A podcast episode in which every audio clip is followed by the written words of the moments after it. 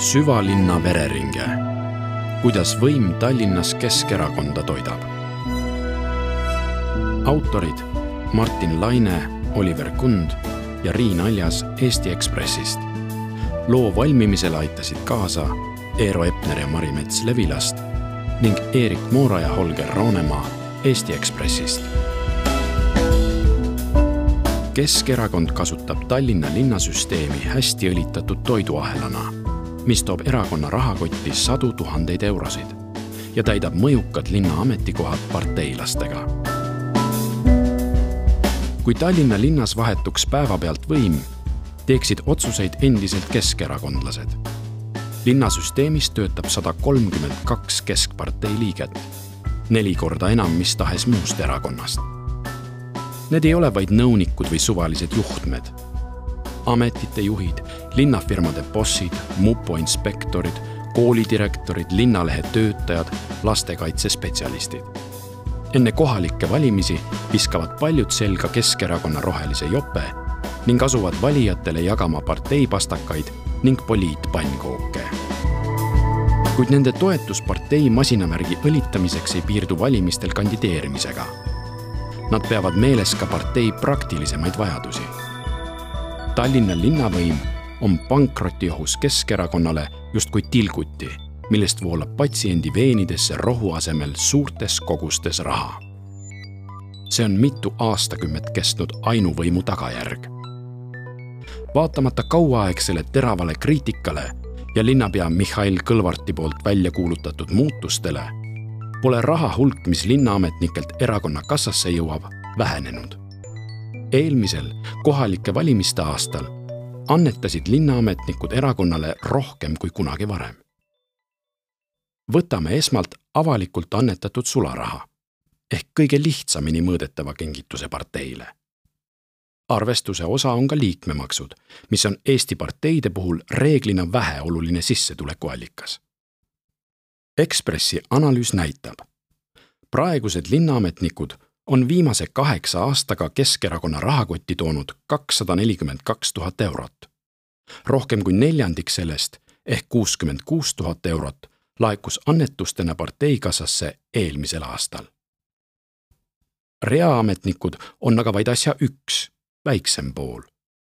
teine asi on linna ettevõtete ja sihtasutuste politiseeritud nõukogud kui nende keskerakondlastest liikmete annetused ametnike omadele juurde liita, on kroonilises rahahädas Keskerakond saanud kaheksa aasta jooksul üle poole miljoni euro ehk viissada seitsekümmend kolm tuhat eurot. see summa ei sisalda nende parteilaste annetusi, kes praeguseks enam nõukogudes ja linnaametis ei tööta. mina ei palu kunagi endale midagi. kui antakse, siis võtan. kui ei pakuta, siis ma ei küsi kostab Margarita Tšernogorova, keskpartei staarpoliitiku Yana Toomi ema, kelle keskerakondlik karjäär sai alguse tuhande üheksasaja üheksakümne üheksandal aastal. kahe tuhande esimese aasta lõpus tuli Tallinnas võimule Keskerakond.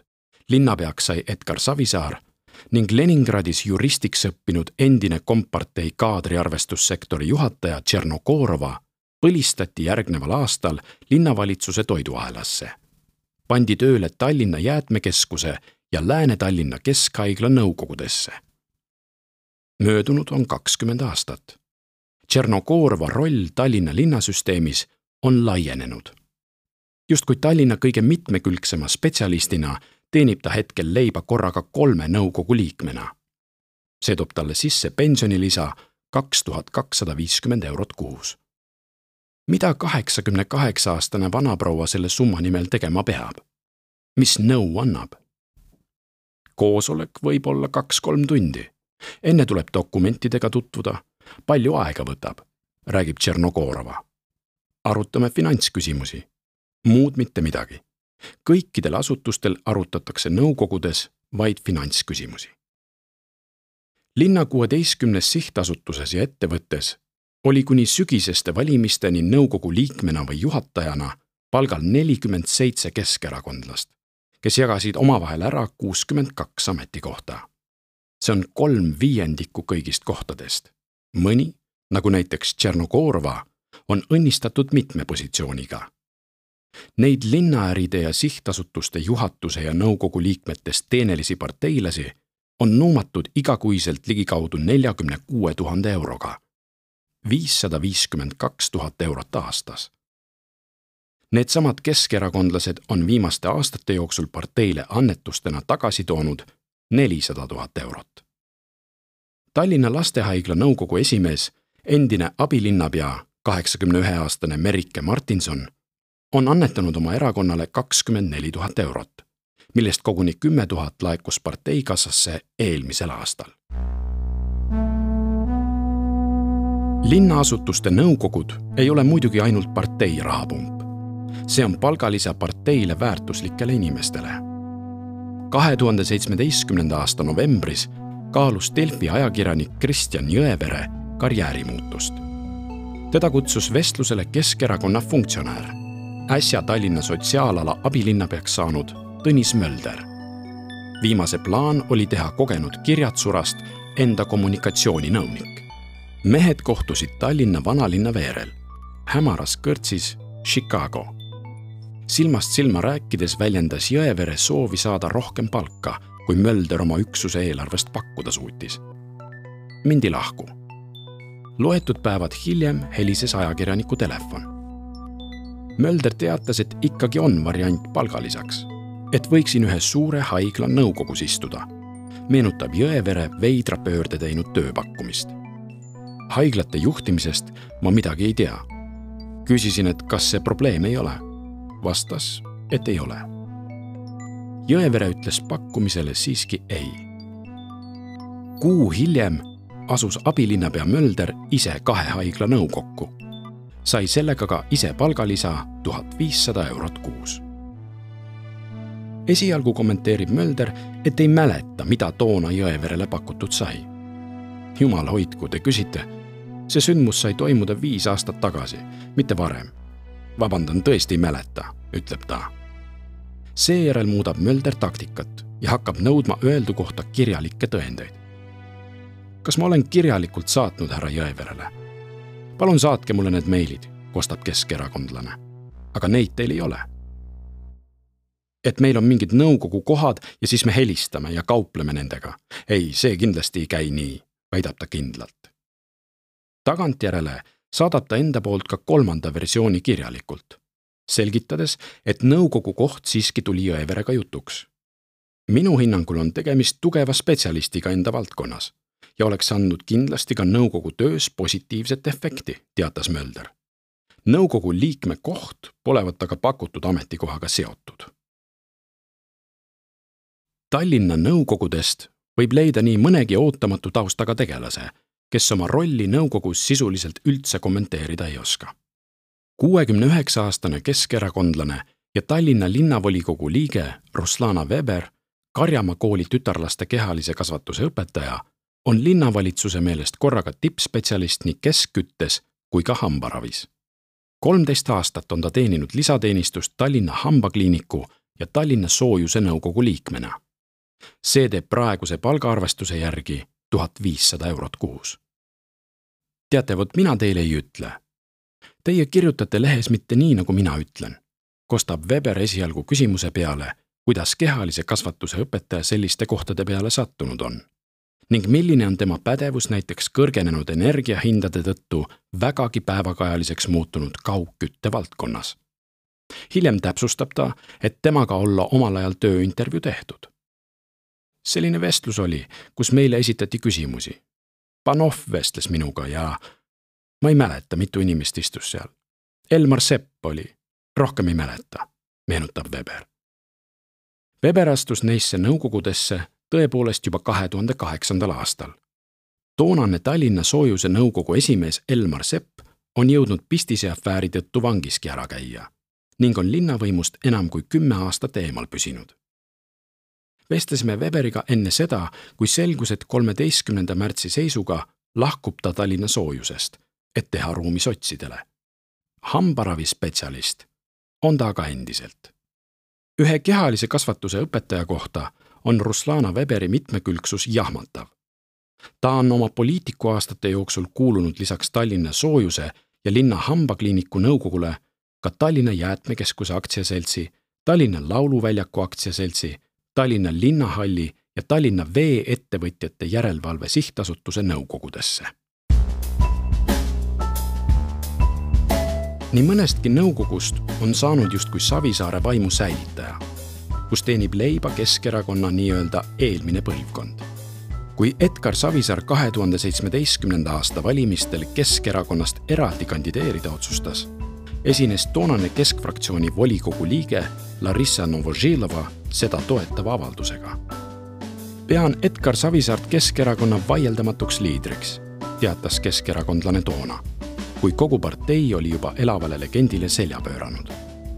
seitsmekümne viie aastane õmblustehnoloogi haridusega Vene Kultuurikeskuse administraator Novožilova ei sattunud sellest avaldusest sugugi põlatute nimekirja. Tegemist oli ju linnavolikogu keskfraktsiooni liikmega, kelle häält ja jätkuvat koostöötahet oli vaja nii liigutati ta järgmisel aastal Tallinna Soojuse Nõukokku.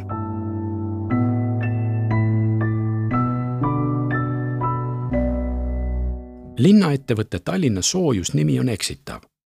see firma ei tooda sooja. linnafirma kogu vara on antud rendile Utilitasele, kes küttemajandust tegelikult opereerib. Isegi linnafirmale kuuluv domeen soojus.ee suunab Utilitase veebilehele Tallinna soojuse ainus ülesanne on küsida Utilitaselt renti. selle tarbeks on Tallinna linnavõimu hinnangul tarvis maksta palka viiele nõukogu liikmele pluss juhatajale. Tallinna soojuses teenib pensionilisa veel omal ajal suhetes Moskvaga Savisaare vahemeheks kutsutud keskerakondlane, kunagine pikaajaline Riigikogu ja praegune linnavolikogu liige, seitsmekümne kuue aastane Vladimir Velman omaette fenomen on Tallinna linnahall. ehkki seal midagi ei toimu peale valvamise ja koristamise, kahe tuhande kahekümnenda aasta käive oli kakskümmend üheksa tuhat eurot, on seal loodud kõrgepalgaline juhataja koht erakonna liikme Anu Liinsoo jaoks. Liinsoo, varasema nimega Hallik Jürgenstein, on keskerakondlasest endine linnaplaneerimisosakonna juhataja ja linnavolikogu liige. lisaks parteilisele juhatajale on linnahallil silmatorkavalt parteiline nõukogu. seda juhib abilinnapea Andrei Novikov. sinna kuuluvad korruptsiooniskandaali tõttu Tallinna Linnatranspordi aktsiaseltsi eesotsast lahkuma sunnitud Enno Tamm ja Rostislav Troškov. kõik teenekad keskerakondlased. Ainuke nõukogu liige, kes ei ole erakonnas, on linna venekeelse meedia juht Kristiina Rossmann Vene propagandakanali PBK uudistesaadete tallinlastele importimise peamine arhitekt ja linnapea Mihhail Kõlvarti üks lähimaid kaasvõitlejaid. kui vaadata linnahalli nõukogu ajalugu, leiab sealt kümneid tuntud keskerakondlasi. pisut enam kui aasta tagasi juhtis seda veel linnapea Kõlvart isiklikult. Rääkige Novikoviga, minuga pole mõtet rääkida, kostab keskerakondlane Rostislav Troškov seitsmekümne ühe aastane endine volikogu liige, linnahalli ja Tallinna ettevõtlusinkubaatorite nõukogu liige, kellele need rollid annavad tuhat viissada eurot palgalisa kuus. Troškov paneb telefoni poole kõne pealt kinni. kindlasti pole paljud kuulnud ka Tallinna Vee-ettevõtjate Järelevalve Sihtasutusest. See on kodulehe andmetel kahe töötajaga linna sihtasutus, mis on mõeldud tegema väga tehnilist tööd kontrollima Tallinna vee joogivee ja heitvee kvaliteeti. millegipärast on selle nõukogus aja jooksul olnud terve rida Keskerakonna poliitikuid. praegu juhib seda Riigikogu liikme staardoktor Viktor Vassiljev. kokkuvõttes, ilma erialase ettevalmistuseta parteitegelased juhivad asutuste nõukogudes ja juhatustes finantsküsimusi, millel finantsküsimusi peaaegu polegi ise oma tööst rääkides on Keskerakonna taustaga nõukogu liikmed kidakeelsed. meil on Tallinna Jäätmekasutuskeskuse nõukogu esimees Kalle Klandorf, et pigem tema poole pöörduda. tõrjub küsimusi kultuurikeskus Lindakivi majandusjuhataja, keskerakondlane Julia Timberbulatova, kes peaks valvama linnaettevõtte nõukogus jäätmete taaskasutuse järele. ta paneb telefonikõne jätkuküsimusi kuuldes kinni meil on komme, et nõukogu tööst annab ülevaate ainult nõukogu esimees ja teised seda ei tee. nii ongi jah, selgitab eksajakirjanik, raamatu Edgar Savisaar poliitik ja romantik autor, keskerakondlane Toivo Tootsen, kes on linnatranspordi korraldamisega tegelevas Tallinna Linnatranspordi Nõukogus istunud aastast tuhat üheksasada üheksakümmend üheksa.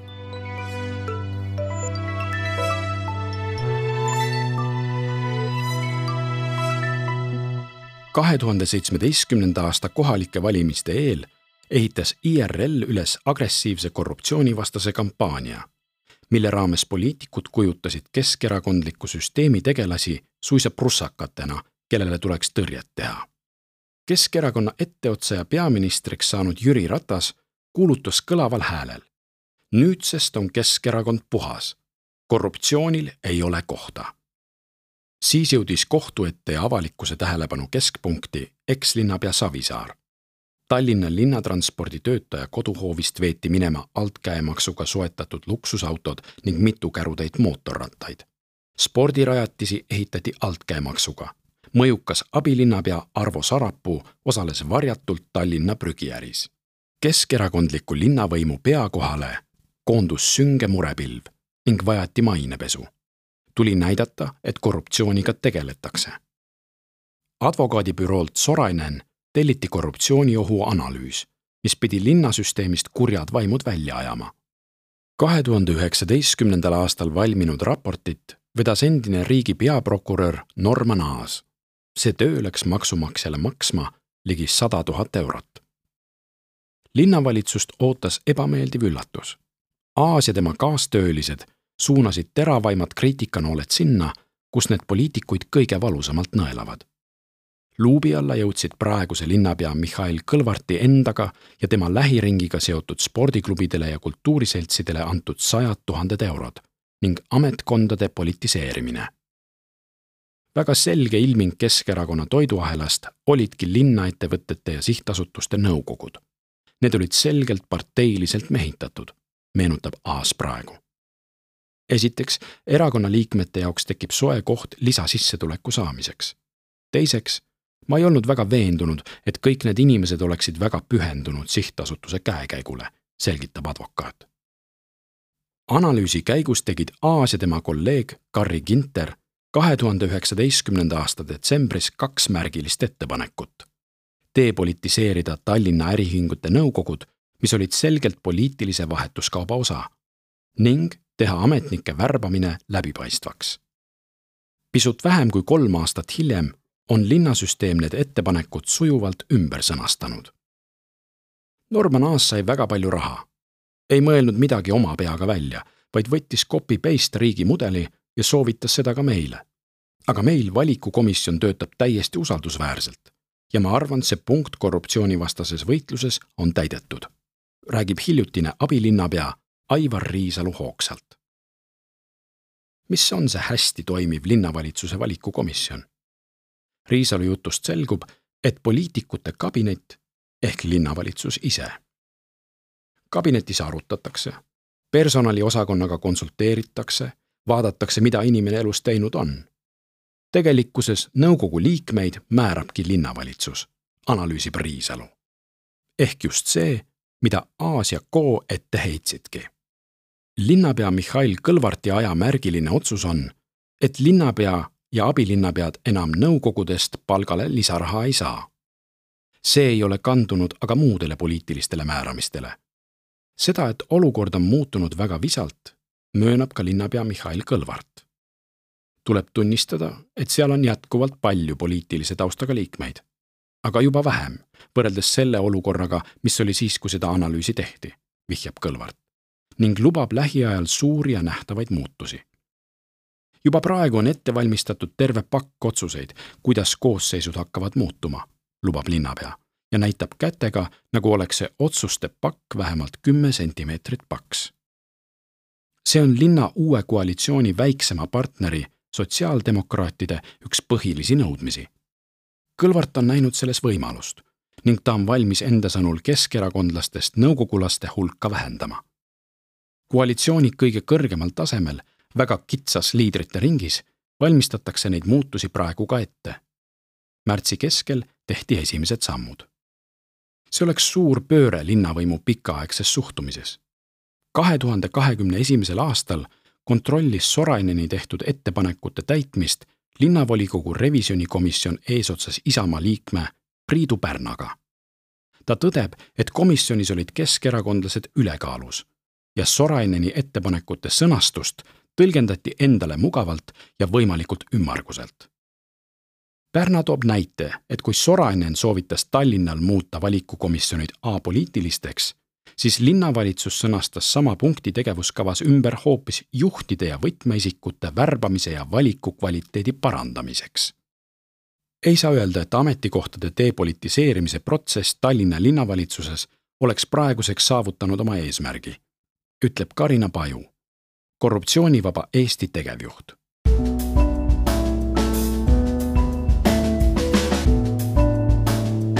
kuidas juhtub, et linnasüsteemis töötab neli korda enam keskerakondlasi kui ametnikke mis tahes muust erakonnast?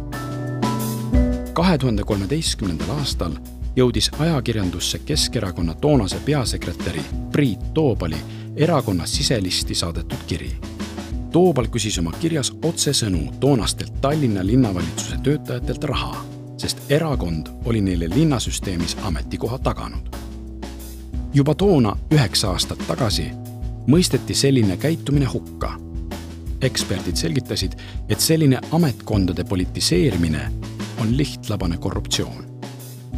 aga miks seda vana asja meenutada? kaheksa aastat on möödas. Keskerakond on ju endi sõnul läbinud suured muutused. Toobali kirjas nimetatud parteiametnikest on suur osa jätkuvalt ametipostil. toonase peasekretäri üleskutse kümnist maksta, oli seejuures edukas. vähemalt kaksteist neist annetasidki raha vahetult pärast Toobali üleskutset ning on praegugi mõnes linnaametis tööl. praegu linnasüsteemis töötavast saja kolmekümne kahest Keskerakonda kuuluvast ametnikust on üheksakümmend kaks viimase kaheksa aasta jooksul osa palgast parteile annetanud. kokku kakssada nelikümmend kaks tuhat eurot. Te väidate, et kuna nad on saanud linnast palka, siis seetõttu raha läheb erakonnale, ütleb linnapea Mihhail Kõlvart. ta ei ole nõus. ta väidab, et seal pole seost. vabad inimesed lihtsalt teevad oma palgaga, mis ise tahavad. mina olen enda palga ära teeninud. mul on õigus seda kasutada, nagu õigeks pean, selgitab Kõlvart. üle saja Tallinna maksumaksja palgal oleva inimese kandideeris viimastel kohalikel valimistel Keskerakonna nimekirjas linnaametnikud jagavad valimiste eel Keskerakonna nänni, ehitavad oma sotsiaalmeediat Keskerakonna värvidega ning poseerivad partei tuntuimate nägude kõrval, et endki poliitiliselt upitada. erakondlik kuuluvus pole Keskerakonna näoga linnasüsteemis omade tuvastamiseks sugugi ainuke tunnus. mitte kõik partei nimekirjas kandideerinud pole erakonna liikmed linnavalitsuse ridadest leiab teenelisi tippametnikke, kes pole kunagi parteisse kuulunud. kuigi on tulnud ajada ka partei asju. isegi Edgar Savisaare vihmavarju on hoitud. poliitnõunikeks ehk juhtmeteks värbavad oma noortekogu tublimaid ja kuulekamaid aktiviste kõik parteid. Tallinna keskerakondlik linnavõim kombib aga piire, sest paneb partei poliitbroilereid ka tavalistele ametnikukohtadele spetsialistideks ja linnaasutuste juhtideks. näiteks kesknoor German Levinets, kelle Facebooki konto on Keskerakonna rohelust paksult täis postitatud, asus mullu tööle Lasnamäe kultuuri- ja vaba aja spetsialistina. koha täitmiseks toimus ka konkurss, mille korraldas Anu Aus, keskerakondlasest linnaosa asevanem. ametisse asumise aastal tegi Levinets parteile ka oma elu esimese annetuse tuhat viiskümmend eurot.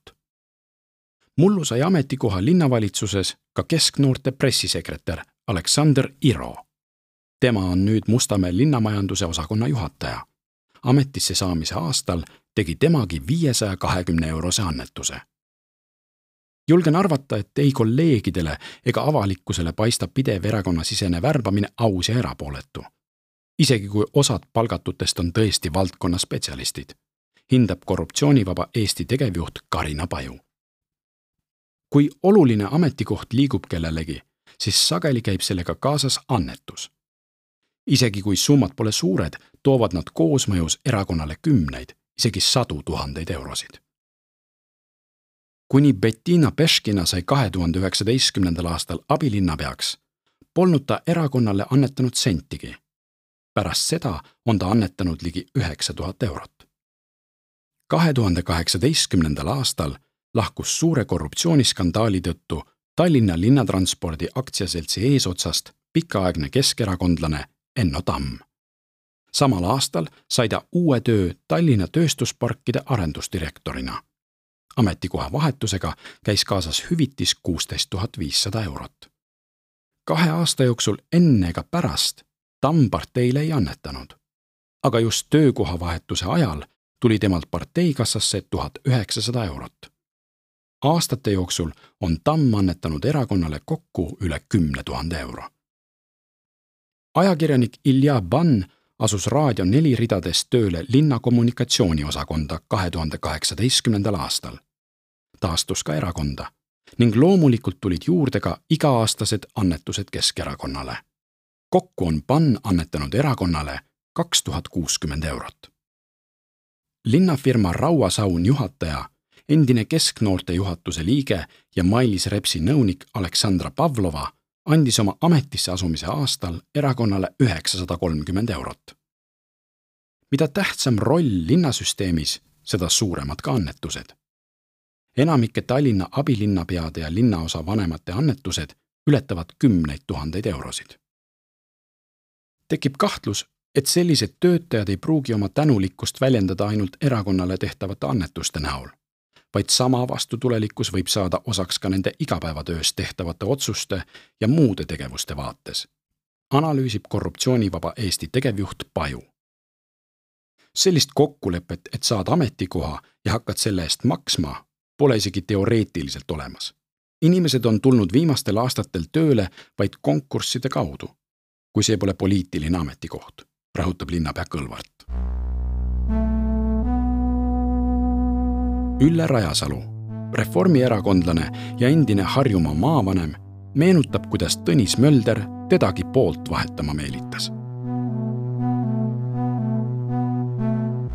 Rajasalu maavanema ametiaeg hakkas lõppema ning ta oli pääsenud Tallinna volikokku. Mölder, kes oli toona veel Pirita linnaosa vanem, küsis minult, et ega ma uude strateegiakeskusesse tööle taha tulla. ma ei olevat inimene, kes peaks lihtsalt volikogus istuma meenutab Rajasalu. lõpuks vastasin, et ei tule. mulle ülejooksikud ei meeldi. jään oma erakonna liikmena volikogusse, räägib reformierakondlane. see oli iseenesestmõistetav, et ametikohta vastu võttes poleks saanud ka valimistel osaleda. sellegi väite kohta hakkab Mölder nõudma loo autoritelt kirjalikke tõendeid. Jällegi, minu küsimus on teile, kas teil nendele väidetele mõni kirjalik alus ka on? ei ole raiub keskerakondlane, et tema küll ei mäleta, et asjaolud nõnda oleksid olnud. tagantjärele saadetud kirjalikus vastuses väidab Mölder, et tema ei saanukski kedagi strateegiakeskusesse tööle võtta. töö saamiseks tuleb ikka konkursil edukalt kandideerida. küll aga oleksin igati hea meele ja rahuliku südamega olnud valmis olema tema soovitaja, kirjutab keskerakondlane vastasleeri poliitikute meelitamine ametikohtadega on eriti tähtis ajal, kui soovitakse kindlustada käest libiseda võivat ainuvõimu. tuntuim näide on Rainer Vakra, sotside linnapeakandidaat, parimatel päevadel nelja tuhande hääle tooja, kes peibutati kahe tuhande kahekümne esimese aasta alguses linnafirma Tallinna Soojuse kõrgepalgaliseks juhiks. Abdul Turai ja Helve Särgava olid veel kaks tuntumat sotsidest üle jooksnut Turai kinnitas hiljem isegi, et tema ametikoht Tallinna Arengukeskuses oli mõttetu ning ta sai selle ainult poliitilistel põhjustel. IRL kaotas ühe kahe tuhande seitsmeteistkümnenda aasta valimiste ehk kahuritõrjekampaania staari, oma Haabersti esinumbri ning linnavolikogu aseesimehe Mart Luige. ta võeti tööle strateegiakeskusesse, Tallinna ettevõtlusdirektoriks keskerakondlastest ametnike puhul pole valimistel kandideerimine kunagi probleemiks. aga isamaalasest Luigega oli teine lugu. see oli väga oluline nüanss, et ma sügisestel valimistel ei kandideeriks. rääkis nelja tuhande viiesaja eurose kuupalgaga ametikohale astunud Luik ERR-ile mullu maikuus. Keskerakond sai taas ühest konkurendist lahti. peaministristki paremat palka, kuus tuhat viissada eurot kuus, teenib Tallinna Linnatranspordi aktsiaseltsi juhatuse esimees Deniss Boroditš. Keskerakonnast kunagi lahkunud ja Reformierakonna Riigikogu fraktsiooni eksinud poliitik kel oli ka hinnaline koht linnavolikogus. bussipargi etteotsa tõi Boroditš ka oma sõbrad ja kunagi Keskerakonnast tüliga lahkunud Otto Popeli ja Lennart Viikmaa töötasuga viis tuhat viissada eurot kuus. Boroditš lahkus päevapealt Reformierakonnast, kinnitades tõsiasja, et Tallinna linnasüsteemis vastutaval ametikohal töötades oled sa kas Keskerakonnast või ei kusagilt mitte aga teisest erakonnast.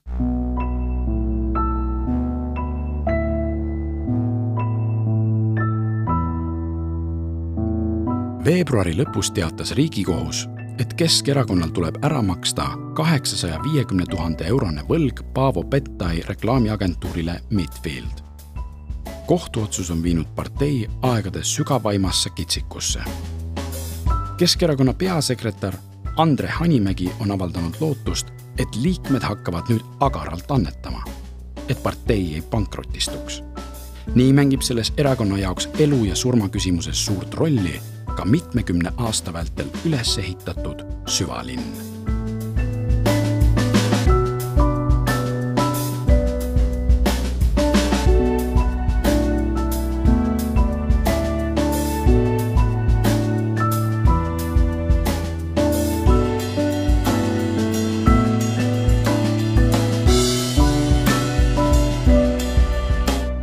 audiolugu luges Sergo Vares. Salvestus, helikujundus ja originaalmuusika Janek Murd